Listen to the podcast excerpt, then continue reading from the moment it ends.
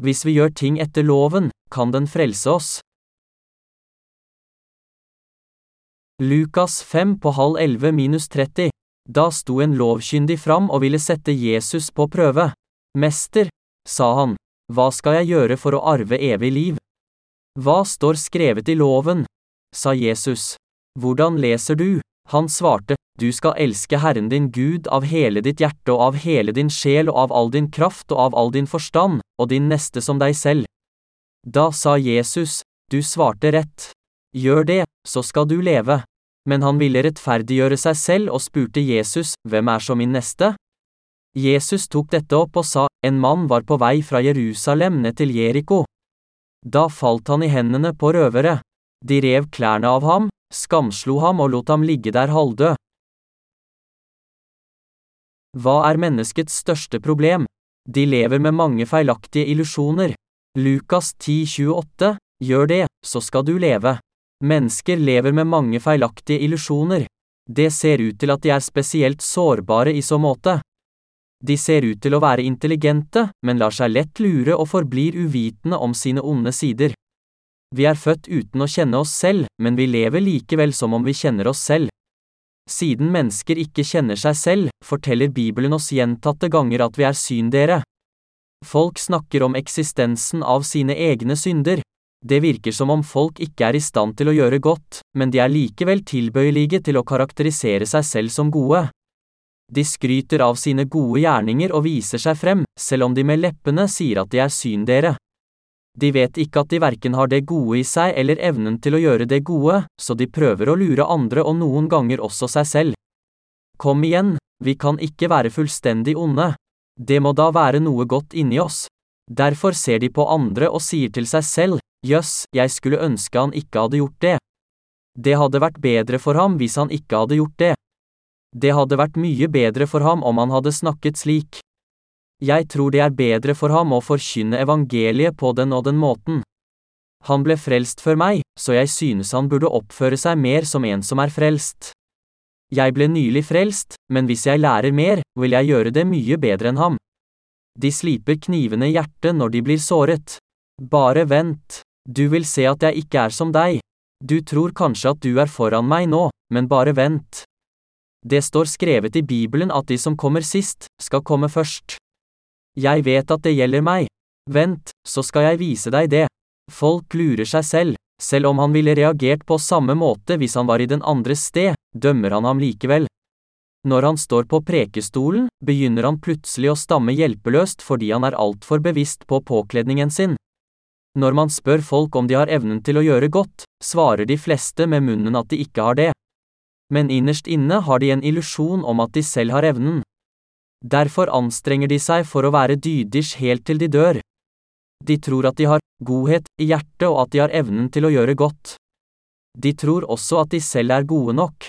Uavhengig av hvor lenge de har vært religiøse, særlig blant dem som har kommet lenger i tjenesten for Gud, tenker de, jeg kan gjøre ditt og datt for Herren. Men hvis vi tar Herren ut av livene våre, kan vi da virkelig gjøre noe godt? Finnes det noe godt i menneskeheten? Kan vi virkelig leve og gjøre gode gjerninger? Mennesker har ikke evnen til å gjøre godt. Hver gang de prøver å gjøre ting på egen hånd, begår de synd. Noen skyver Jesus til side etter å ha trodd på ham og prøver å være gode på egen hånd. Det er bare ondskap i oss alle, så vi kan bare praktisere ondskap. Av oss selv, selv de som er frelst, kan vi bare syndig. Det er kjøddets virkelighet. Hva gjør vi alltid, godt eller ondt? Ondskap. I lovsangsboken vår, Lovsyng Jesu navn, er det en sang som lyder slik, uten Jesus snubler vi bare. Vi er like verdiløse som et skip som krysser havet uten seil åttendedelsnote. Uten Jesus kan vi bare syndig fordi vi er onde vesener. Evnen til å gjøre rettferdige gjerninger får vi først etter at vi er frelst. Apostelen Paulus sa, Det gode som jeg vil, gjør jeg ikke, men det onde som jeg ikke vil, det gjør jeg. Romerne 7,19 Hvis en person er sammen med Jesus, spiller det ingen rolle, men når han, hun ikke har noe med ham å gjøre, prøver han, hun å gjøre gode gjerninger for Gud. Men jo mer man prøver, desto mer gjør man det onde. Selv kong David hadde den samme medfødte naturen. Da landet hans var fredelig og velstående, gikk han en kveld opp på taket for å ta seg en spasertur. Der så han et fristende bilde og falt for sanselig nytelse. Hvordan var han da han hadde glemt Herren? Han var virkelig ond. Han drev hor med Batseba og drepte mannen hennes, Uria, men han kunne ikke se ondskapen i seg selv. I stedet fant han på unnskyldninger for handlingene sine. En dag kom profeten Natan til ham og sa, Herren sendte Natan til David. Han gikk inn til kongen og sa, det bodde to menn i en by. Den ene var rik og den andre fattig. Den rike hadde småfe og storfe i mengde. Den fattige eide ikke annet enn et eneste lite lam som han hadde kjøpt. Han alte det opp, og det vokste til sammen med barna hans. Det spiste av brødet hans, drakk av beggerett hans og lå i fanget hans. Det var som en datter for ham. En dag kom det en vandringsmann til den rike, men han kvidde seg for å ta noe av sitt eget småfe eller storfe for å lage i stand for gjesten. Han tok lammet som den fattige eide, og laget det til for mannen som var kommet. 2. Samuels bok 12 1 4 David sa, så sant Herren lever, den mannen som har gjort dette, fortjener å dø. Sinnet hans ble så stort at han sa, han har så mange av sine egne, han kunne jo ta et av dem. Men i stedet tok han den stakkars mannens eneste lam for å lage mat til gjesten sin. Han burde dø, da sa Natan til ham, du er mannen. Hvis vi ikke følger Jesus og er sammen med ham, kan selv gjenfødte gjøre slike onde ting. Det er det samme for alle mennesker, også de troende. Vi snubler alltid og praktiserer ondskap uten Jesus. Derfor er vi også i dag takknemlige for at Jesus frelste oss, uavhengig av ondskapen i oss. Jeg vil hvile i skyggen av korset. Hjertene våre hviler i skyggen av Kristi forløsning, men hvis vi forlater skyggen og ser på oss selv, kan vi aldri hvile. Gud ga oss troens rettferdighet før loven. Hva er lettest å følge, troen eller loven? Troen. Apostelen Paulus sa at Gud ga oss troens rettferdighet helt fra begynnelsen. Han ga den til Adam og Eva, Kain og Abel, Seth og Enok, Noah, Abraham, Isak og til slutt til Jakob og hans tolv sønner. Selv uten loven ble de rettferdige for Gud gjennom den rettferdigheten som kom fra troen på Hans ord. De ble velsignet og fikk hvile gjennom troen på Hans ord. Tiden gikk, og Jakobs etterkommere levde som slaver i Egypt i 400 år på grunn av Josef. Så førte Gud dem ut gjennom Moses og inn i Kanaans land. Men i løpet av de 400 årene som slaver hadde de glemt troens rettferdighet. Derfor lot Gud dem krysse Rødehavet gjennom sitt mirakel og førte dem ut i ørkenen. Da de kom til Syndens ørken, ga han dem loven på Sinai-fjellet. Han ga dem loven, som inneholdt de ti bud og 613 detaljerte paragrafer. Gud erklærte, Jeg er Herren deres Gud, Abrahams Gud, Isaks Gud, Jakobs Gud. La Moses komme opp til Sinai-fjellet, så vil jeg gi dere loven. Så ga han Israel loven. Han ga dem loven for at de skulle, ved loven lærer vi synden å kjenne. Romerne ti på halv fire. Den skulle informere dem om hva han likte og ikke likte, og åpenbare hans rettferdighet og hellighet. Hele Israels folk, som hadde vært slaver i Egypt i 400 år, krysser Rødehavet. De hadde aldri møtt Abrahams, Isaks og Jakobs Gud. De kjente ham ikke, mens de levde som slaver i 400 år, hadde de glemt Guds rettferdighet. På den tiden hadde de ingen leder. Jakob og Josef var deres ledere, men de var døde for lenge siden. Det ser ut til at Josef ikke klarte å gi troen videre til sønnene sine, Manas og Efraim. Derfor måtte det finne sin Gud igjen og møte ham fordi de hadde glemt hans rettferdighet. Vi må huske på at Gud ga dem troens rettferdighet først, og så ga han dem loven etter at de hadde glemt troen. Han ga dem loven for at de skulle vende tilbake til ham. For å frelse Israel og gjøre dem til sitt folk, ba han dem om å la seg omskjære. Hans hensikt med å kalle dem var å fortelle dem at han eksisterte ved å etablere loven, og dernest å fortelle dem at de var syndere for ham. Gud ville at de skulle komme til ham og bli hans folk ved å bli forløst gjennom offersystemet han hadde gitt dem. Og han gjorde dem til sitt folk. Israels folk ble frelst gjennom lovens offersystem ved å tro på Messias som skulle komme. Men offersystemet hadde også forsvunnet med tiden. La oss se når det skjedde. I Lukas 5 på halv elleve nevnes en viss advokat som satte Jesus på prøve. Advokaten var fariseer. Fariseerne var ekstremt konservative som forsøkte å leve opp til Guds ord. De forsøkte å beskytte landet først og deretter leve etter Guds lov. Så var det også selotene, som var svært impulsive og hadde en tendens til å ty til vold for å oppnå sin visjon, Israels uavhengighet fra Roma. Hvem ønsker Jesus å møte? Syn dere uten hyrde, det finnes religiøse skikkelser som dem også i dag. De leder sosiale bevegelser med slagord som Redd verdens undertrykte.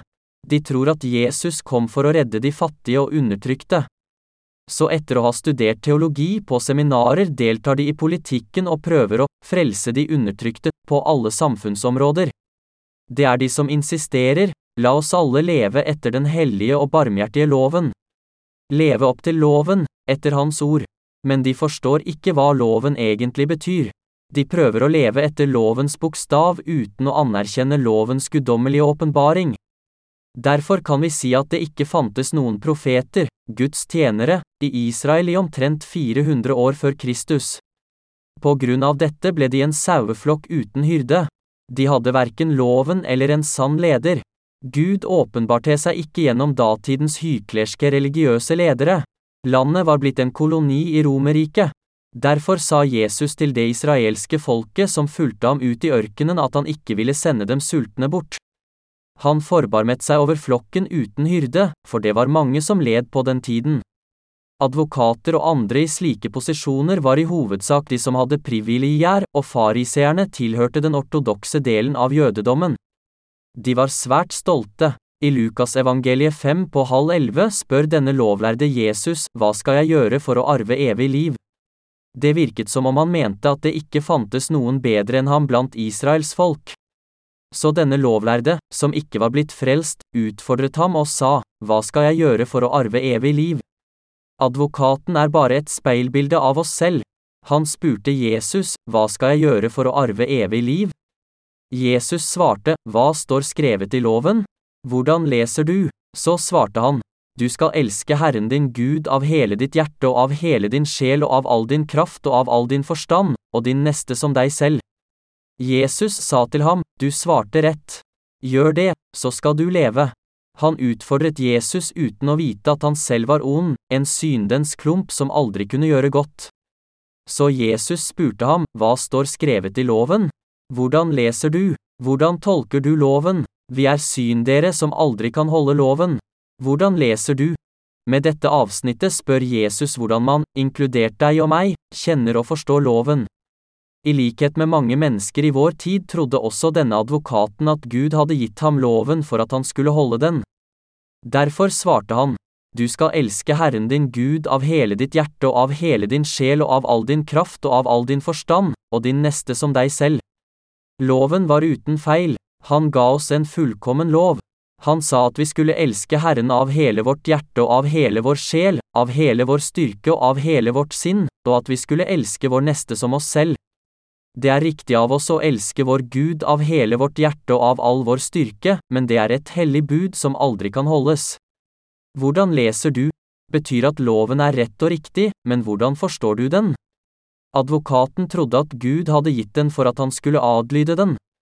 Men Guds lov ble gitt til oss for at vi skulle innse våre mangler ved å avsløre våre misgjerninger. Du har syndet, dere har drept når jeg ba dere om ikke å drepe. Hvorfor var du ulydig mot meg? Loven avslører syndene i folks hjerter. La oss si at jeg på veien hit så noen modne melovne på åkeren. Gud advarte meg gjennom loven, ikke plukk disse melonene for å spise dem. Det vil være en skam for meg hvis du gjør det. Ja, far, åkeren tilhører herden og den, derfor skal du aldri plukke dem. Ja, far, i det øyeblikket vi hører at vi aldri skal plukke dem, føler vi en tilbøyelighet til å plukke dem. Hvis vi dytter ned en fjær, spretter den opp igjen som en reaksjon. Slik er det også med menneskers synder. Gud har sagt at vi aldri skal gjøre onde gjerninger. Gud kan si det fordi han er hellig, fullkommen og har evnen til å gjøre det. På den annen side kan vi aldri, ikke syndig og aldri, være rent gode. Vi har aldri det gode hjertet. Loven er presisert med ordet aldri. Hvorfor? fordi mennesker har lyster i hjertet. Vi kan ikke la være å handle etter våre lyster. Vi begår hor fordi vi har hor i hjertet. Vi bør lese Bibelen nøye. Da jeg først prøvde, analyserte jeg ordet til punkt og prikke. Jeg leste at Jesus døde på korset for meg og kunne ikke stoppe tårene. Jeg var et så ondt menneske, og så døde han på korset for meg. Det gjorde så vondt i hjertet mitt at jeg trodde på ham. Så tenkte jeg, hvis jeg skal tro, så skal jeg tro i samsvar med ordet. Da jeg leste to, Mosebok 20, sto det, du skal ikke ha andre guder enn meg. Jeg ba om omvendelse i henhold til dette budet. Jeg lette i hukommelsen for å finne ut om jeg noen gang hadde hatt andre guder foran ham, kalt hans navn forgjeves eller bøyet meg for andre guder. Jeg innså at jeg hadde bøyd meg for andre guder mange ganger under ritualene til ære for mine forfedre. Jeg hadde begått synden å ha andre guder, så jeg ba i anger, Herre, jeg har tilbedt avguder. Jeg må dømmes for det. Tilgi meg mine synder, jeg skal aldri gjøre det igjen. Etterpå virket det som om en synd var tatt hånd om. Så prøvde jeg å huske om jeg noen gang hadde ropt hans navn forgjeves. Så husket jeg at da jeg først begynte å tro på Gud, røykte jeg. Vennene mine sa til meg, bringer du ikke skam over Gud ved å røyke? Hvordan kan en kristen røyke? Det er vel det samme som å kalle hans navn forgjeves? Så jeg ba igjen, Herre, jeg kalte ditt navn forgjeves. Vær så snill, tilgi meg. Jeg skal slutte å røyke. Så jeg prøvde å slutte å røyke, men fortsatte å tenne på, av og på, i ett år. Det var veldig vanskelig, nesten umulig å slutte å røyke. Men til slutt klarte jeg å slutte å røyke helt. Jeg følte at jeg hadde tatt et oppgjør med enda en synd. Den neste var, husk sabbatsdagen og hold den hellig. Det betydde at jeg ikke skulle gjøre andre ting på søndager, jobbe eller tjene penger. Så jeg sluttet med det også. Så var det, du skal hedre din far og din mor. Jeg kunne hedre dem når jeg var borte, men det var en kilde til hjertesorg når jeg var i nærheten. Herre Gud, jeg har synde mot Gud. Vær så snill, Herre, tilgi meg. Jeg ba i anger, men jeg kunne ikke hedre foreldrene mine lenger, for de var begge døde da. Hva kunne jeg gjøre? Herre, vær så snill å tilgi denne verdiløse synderen. Du døde på korset for meg. Så takknemlig jeg var. På denne måten trodde jeg at jeg hadde tatt meg av syndene mine én etter én. Det fantes også andre lover, som for eksempel å ikke drepe, ikke begå hor, ikke begjære. Helt til den dagen jeg innså at jeg ikke hadde overholdt en eneste av dem, ba jeg hele natten hver eneste kveld. Men du vet, å be i anger er egentlig ikke noe hyggelig. La oss snakke om det. Da jeg tenkte på Jesu korsfestelse, kunne jeg sette meg inn i hvor smertefullt det var, og han døde for oss som ikke kunne leve opp til hans ord. Jeg gråt hele natten mens jeg tenkte på hvordan han elsket meg og takket ham for at han ga meg ekte glede. Det første året jeg gikk i kirken, var generelt sett ganske enkelt, men i løpet av de neste par årene ble det vanskeligere og vanskeligere for meg å gråte i anger, fordi jeg måtte tenke mye hardere for å få tårene til å renne siden jeg gjorde det så ofte.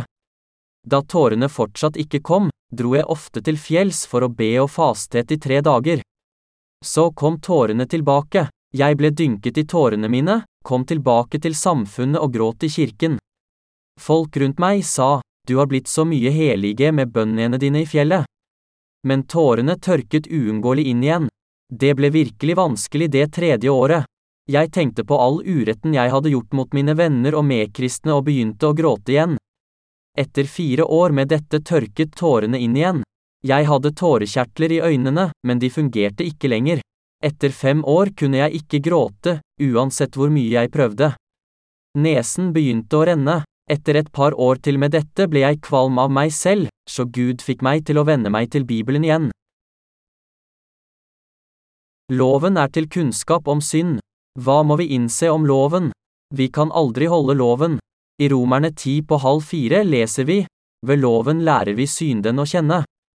Til å begynne med betraktet jeg dette vedsett som et personlig budskap til apostelen Paulus og forsøkte bare å tro på de ordene jeg selv foretrakk. Men etter at tårene hadde tørket, kunne jeg ikke fortsette mitt religiøse trosliv. Så jeg synde gjentatte ganger og fant ut at jeg hadde synd i hjertet og at det var umulig å leve etter loven. Jeg holdt det ikke ut, men jeg kunne heller ikke forkaste loven fordi jeg trodde at den var gitt for å bli fulgt. Til slutt ble jeg advokat, slik som de som nevnes i Skriften. Det ble så vanskelig for meg å fortsette et liv i tro. Jeg hadde så mye synd at jeg, mens jeg leste loven, begynte å innse hvilke synder jeg hadde begått hver gang jeg brøt de ti bud i hjertet. Å synde i hjertet er også å begå synd, og jeg hadde ubevisst blitt en lovtro. Når jeg overholdt loven, var jeg lykkelig, men når jeg ikke klarte å holde loven, ble jeg ulykkelig, irritert og trist. Til slutt ble jeg desperat over det hele. Tenk så lett det kunne ha gått hvis jeg fra begynnelsen av hadde blitt undervist i den sanne kunnskapen om loven på denne måten. Nei, nei. Loven har en annen betydning. Den viser deg at du er en klump av synd, du elsker penger, det motsatte kjønn og ting som er vakre å se på. Du har ting som du elsker mer enn Gud. Du ønsker å følge verdens ting. Loven er ikke gitt deg for at du skal holde den, men for at du skal erkjenne at du er en synder med ondskap i hjertet. Hvis bare noen hadde lært meg sannheten da, hadde jeg sluppet å lide i ti år. Jeg hadde altså levd under loven i ti år før jeg kom til denne erkjennelsen. Det fjerde budet lyder, husk sabbatsdagen og hold den hellig. Det betyr at vi ikke skal arbeide på sabbaten. De lærer at vi skal gå, ikke ri, hvis vi skal reise langt på søndag. Jeg tenkte at det var mer passende og ærefullt å gå til stedet der jeg skulle preke. Jeg skulle tross alt forkynne loven. Derfor følte jeg at jeg måtte praktisere det jeg forkynte. Det var så vanskelig at jeg holdt på å gi opp. Som det står her, hvordan leser du? Jeg forsto ikke dette spørsmålet og led i ti år. Den lovkyndige misforsto det også. Han trodde at hvis han fulgte loven og levde forsiktig, ville han bli velsignet for Gud. Men Jesus sa til ham, Hvordan leser du? Mannen svarte i samsvar med sin loviske tro.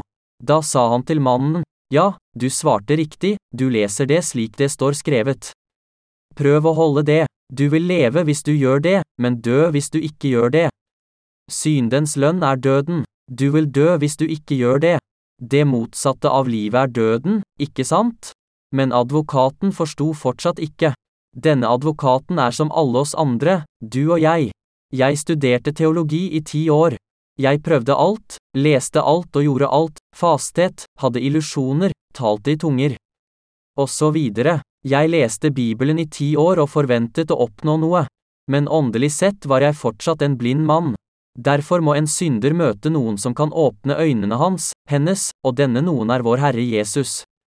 Da kan man innse at, aha, vi kan aldri holde loven. Uansett hvor hardt vi prøver å holde loven, vil vi bare dø mens vi desperat prøver. Men Jesus kom for å frelse oss med vannet og ånden. Halleluja! Vannet og ånden kan frelse oss. Det er Guds nåde, Guds gave. Så vi lovpriser Herren. Jeg var så heldig at jeg ble uteksaminert fra loviskhetens håpløse linje, men noen bruker hele livet på å studere teologi forgjeves og innser aldri sannheten før den dagen de dør.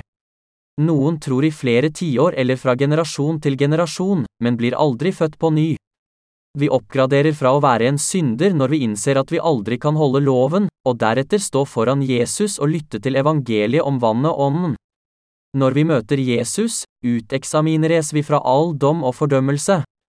Vi er de verste syndere, men vi blir rettferdige fordi han frelste oss ved vann og blod. Jesus fortalte oss at vi aldri kunne leve etter hans vilje. Han fortalte dette til advokaten, men han forsto det ikke.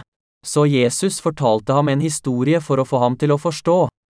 Hva er det som gjør at mennesker faller i troslivet? Synd. En mann var på vei fra Jerusalem ned til Jeriko. Da falt han i hendene på røvere. De rev klærne av ham, skamslo ham og lot ham ligge der halvdød. Lukas halv elleve. Jesus fortalte denne lignelsen til advokaten for å vekke ham fra det faktum at han hadde lidd hele livet, akkurat som denne mannen ble slått av tyver og nesten døde. En mann gikk ned fra Jerusalem til Jeriko. Jeriko representerer den sekulære verden, mens Jerusalem representerer religionens by, troens by, befolket av lovens skrytepaver. Denne historien forteller oss at hvis vi bare tror på Kristus på en religiøs måte, vil vi bli ruinert. En mann var på vei fra Jerusalem ned til Jeriko. Da falt han i hendene på røvere. De rev klærne av ham, skamslo ham og lot ham ligge der halvdød. Jerusalem var en stor by med mange innbyggere. Der var det en ypperste prest, en hærskare av prester, leviter og mange fremtredende religiøse menn. Det var mange som kjente loven godt. Der forsøkte de å leve opp til loven, men til slutt mislyktes de og dro til Jeriko. De falt stadig inn i verden, Jeriko, og kunne ikke unngå å møte tyver. Mannen møtte også tyver på veien fra Jerusalem til Jeriko og ble fratatt klærne sine. De rev klærne av ham, betyr at han mistet sin rettferdighet. Det er umulig for oss å leve etter loven, og leve opp til loven. Apostelen Paulus sier i Romerne 7,19-20, det gode som jeg vil, gjør jeg ikke, men det onde som jeg ikke vil, det gjør jeg. Men gjør jeg det jeg ikke vil, er det ikke jeg som gjør det, men synden som bor i meg. Jeg skulle ønske jeg kunne gjøre godt og leve etter Hans ord. Men i et menneskes hjerte er det onde tanker, utroskap, hor, mord, tyveri, begjær, ondskap, svik, utukt, et ondt øye, gudsbespottelse, hovmod og dårskap, Markus 7, 21-23. Fordi de ligger i hjertene våre og kommer frem nå og da, gjør vi det vi ikke vil, og vi gjør ikke det vi burde. Vi fortsetter å gjenta det onde i hjertene våre. Det djevelen må gjøre, er å gi oss bare en liten stimulans til å synde i. Syndene i hele menneskehetens hjerte. Kan vi leve etter loven? Nei, i Markus 7 står det ikke noe av det som kommer inn i mennesket utenfra, kan gjøre det urent. Nei, det er det som går ut fra mennesket, som gjør mennesket urent. Jesus forteller oss at det finnes onde tanker, ekteskapsbrudd, hor, mord, tyveri, begjær, ondskap, svik, utukt, et ondt øye, gudsbespottelse, hovmod og dårskap i et menneskes hjerte. Vi har alle mord i våre hjerter. Det finnes ingen som ikke myr der. Mødre kjefter på barna sine. Nei, ikke gjør det der. Jeg ba deg om å ikke gjøre det, for pokker. Jeg har sagt til deg om og om igjen at du ikke skal gjøre det. Jeg kommer til å drepe deg hvis du gjør det igjen. Ikke gjør det, sa jeg. Det er mord. Du kan ha drept barna dine i tankene dine med dine tankeløse ord. Barna våre må være i live fordi de løper fra oss så raskt, men hvis vi hadde latt alt vårt sinne gå utover dem, kunne vi ha drept dem. Noen ganger skremmer vi oss selv. Herre Gud, hvorfor gjorde jeg det? Vi ser på blåmerkene etter å ha slått barna våre og tenker at vi må ha vært gale som gjorde det. Vi kan ikke annet enn å oppføre oss slik fordi vi har mord i hjertet. Så, gjør jeg det jeg ikke vil, betyr altså at vi gjør det onde fordi vi er onde. Det er så lett for Satan å friste oss til å synde i. La oss si at en mann som ikke har blitt frelst, har sittet i en hytte i ti år, vendt mot en vegg og meditert som Sungskjold, den avdøde store koreanske munken. Det går bra så lenge han sitter med ansiktet mot veggen, men noen må komme med mat til ham og fjerne ekskrementene hans. Han må ha kontakt med noen. Det ville ikke vært noe problem hvis det var en mann, men la oss anta at det var en vakker kvinne. Hvis han tilfeldigvis treffer henne, vil all tiden han har sittet forgjeves. Han tenker kanskje, jeg burde ikke begå hor, jeg har det hjertet, men jeg må utslette det. Jeg må drive det ut. Nei, ut av tankene mine, men hans besluttsomhet fordamper i det øyeblikket han ser henne. Etter at kvinnen har gått, ser han inn i sitt eget hjerte. Fem år med asketiske øvelser blir til ingenting, alt til ingen nytte. Det er så enkelt for Satan å ta fra et menneske dets rettferdighet. Alt Satan trenger å gjøre, er å gi ham, henne et lite dytt. Når en person kjemper for ikke å syndig uten å være frelst, faller han, hun stadig i synd i stedet. Vedkommende kan betale tienden trofast hver søndag, faste i 40 dager, be morgenbønn i 100 dager. Og så videre, men Satan frister og lurer ham, henne med de tilsynelatende gode tingene i livet. Jeg vil gjerne gi deg en viktig stilling i selskapet, men du er kristen og kan vel ikke jobbe på søndager? Det er en så flott stilling. Kanskje du kunne jobbe tre søndager og gå i kirken bare én gang i måneden. Da ville du få så mye prestisje og en stor, fet lønnsslipp. Hva sier du til det? På dette ville nok 100 av 100 personer bli kjøpt. Hvis det ikke fungerer, bruker Satan et annet triks for å lure folk som lett lar seg fange av begjær etter kvinner. Satan setter en kvinne foran ham, og han blir hodestøps forelsket og glemmer Gud på et øyeblikk. Det er slik menneskets rettskaffenhet blir tatt fra ham. Hvis vi prøver å leve etter loven, har vi til slutt bare syndens sår, smerte og åndelig fattigdom igjen, vi mister all rettferdighet. En mann var på vei fra Jerusalem ned til Jeriko. Da falt han i hendene på røvere. De rev klærne av ham, skamslo ham og lot ham ligge der halvdød. Det betyr at selv om vi prøver å holde oss i Jerusalem ved å leve etter den hellige Guds vilje, vil vi gang på gang snuble på grunn av våre svakheter og til slutt gå til grunne. Du kan fortsatt be til Gud i anger. Herre, jeg har syndet. Vær så snill å tilgi meg, jeg skal aldri gjøre det igjen. Jeg lover deg at dette virkelig skal være siste gang. Jeg ber og bønnfaller deg om å tilgi meg bare denne ene gangen. Men det varer aldri. Mennesker kan ikke leve i denne verden uten å synde. De kan kanskje unngå det et par ganger, men det ville være umulig å ikke synde igjen. Derfor kan vi ikke unngå å synde gjentatte ganger. Herre, vær så snill å tilgi meg. Hvis dette fortsetter, fjerner de seg fra kirken og sitt religiøse liv. De fjerner seg fra Gud på grunn av sine synder og ender til slutt opp i helvete. Å reise til Jeriko betyr å falle inn i den sekulære verden, å komme nærmere verden og lenger bort fra Jerusalem. I begynnelsen er Jerusalem fortsatt nærmere, men etter hvert som syklusen med synd og omvendelse gjentas, befinner vi oss i sentrum av Jeriko, dypt nede i verden. Hvem kan bli frelst? De som gir opp å prøve å etablere sin egen rettferdighet. Hvem møtte mannen på vei til Jeriko? Han møtte tyver, en som ikke engang kjenner og lever etter loven, lever et liv som ligner på en forlatt hund. Den drikker, sovner hvor som helst og urinerer hvor som helst. Hunden våkner neste dag og drikker igjen. En forlatt hund spiser sine egne ekskrementer. Det er derfor en slik person kalles en hund. Han, hun vet at han, hun ikke skal drikke, men gjør det likevel, angrer neste morgen og gjentar prosessen om og om igjen. Det er som mannen som møtte tyver på vei til Jeriko. Han blir etterlatt, såret og nesten død. Det betyr at det bare er synd i hjertet hans. Det er slik et menneske er. Folk tror på Jesus mens de prøver å leve etter loven i Jerusalem, det religiøse samfunnet, men sitter igjen med synden i hjertet. Det eneste de kan vise til etter sitt religiøse liv, er syndens sår. De som har synden i hjertet, blir til slutt kastet i helvete. De vet det, men vet ikke hva de skal gjøre. Har ikke du og jeg også vært i en lignende religiøs by? Jo, vi var der likevel. Advokaten som misforsto Guds lov, ville slite hele livet, men ville ende opp i helvete, såret. Han er en av oss, du og jeg. Bare Jesus kan frelse oss. Det er så mange intelligente mennesker rundt oss, og de skryter stadig av hva de vet. De later alle som om de lever etter Guds lov, men er ikke ærlige mot seg selv. De er ikke i stand til å si det som er riktig, og de er alltid opptatt av å stelle sitt ytre for å se trofaste ut. Blant dem er syndere på vei til Jeriko, de som blir banket opp av tyver og etterlatt nesten døde. Vi må vite hvor skrøpelige vi er for Gud. Vi bør innrømme for ham, Herre, jeg kommer til helvete hvis du ikke redder meg. Vær så snill, frels meg.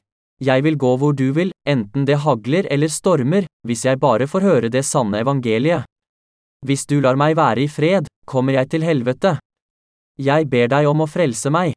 De som vet at de er på vei til helvete og gir opp å prøve å oppnå sin egen rettferdighet, mens de holder fast ved Herren, er de som kan bli frelst. Vi kan aldri bli frelst ved egen innsats. Vi må forstå at vi er som mannen som falt blant tyver,